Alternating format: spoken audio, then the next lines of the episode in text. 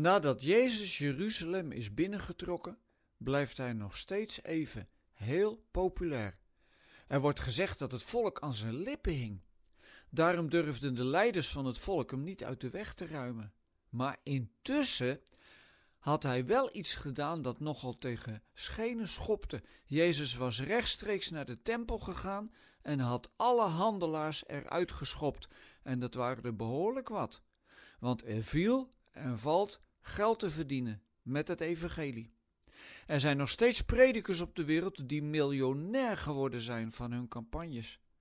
Laten we hopen dat ze dat geld hebben gebruikt om dingen te doen in het koninkrijk en niet voor zichzelf. Maar het was wel een behoorlijk radicale daad van Jezus. En er waren zelfs mensen die erop hoopten dat hij zich ook tegen de Romeinen zou gaan keren. Maar dat deed Jezus niet.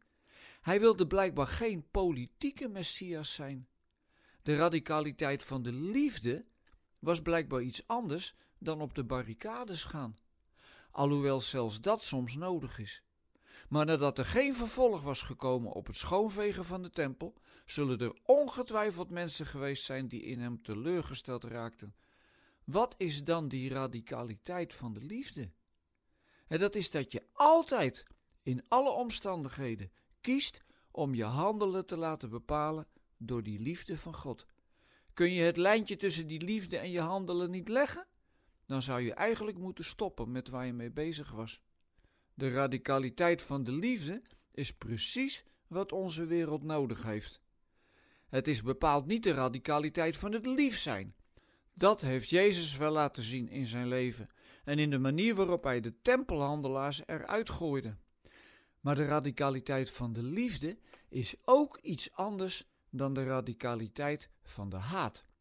Het is niet zo moeilijk in deze tijd om bepaalde figuren te gaan haten, omdat ze zoveel ellende en verdriet aanrichten. Denk maar aan de oorlog in Oekraïne.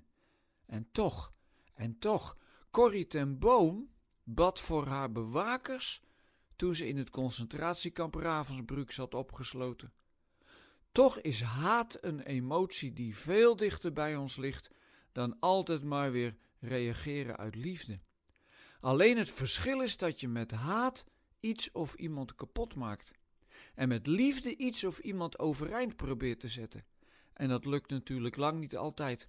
Uiteindelijk bleken de mensen gevoeliger voor het opstoken door de Joodse leiders om Jezus aan het kruis te krijgen, dan voor de liefde waarmee Jezus nog dagelijks onderwijs gaf in de tempel. Wat won het nu uiteindelijk en wat wint het vandaag de dag nog? De radicaliteit van de liefde of de radicaliteit van de haat? Het antwoord op deze vraag, hè, dat hangt misschien wel af van de dag waarop je dat formuleert. Of je dat doet op Goede Vrijdag of op Paasmorgen.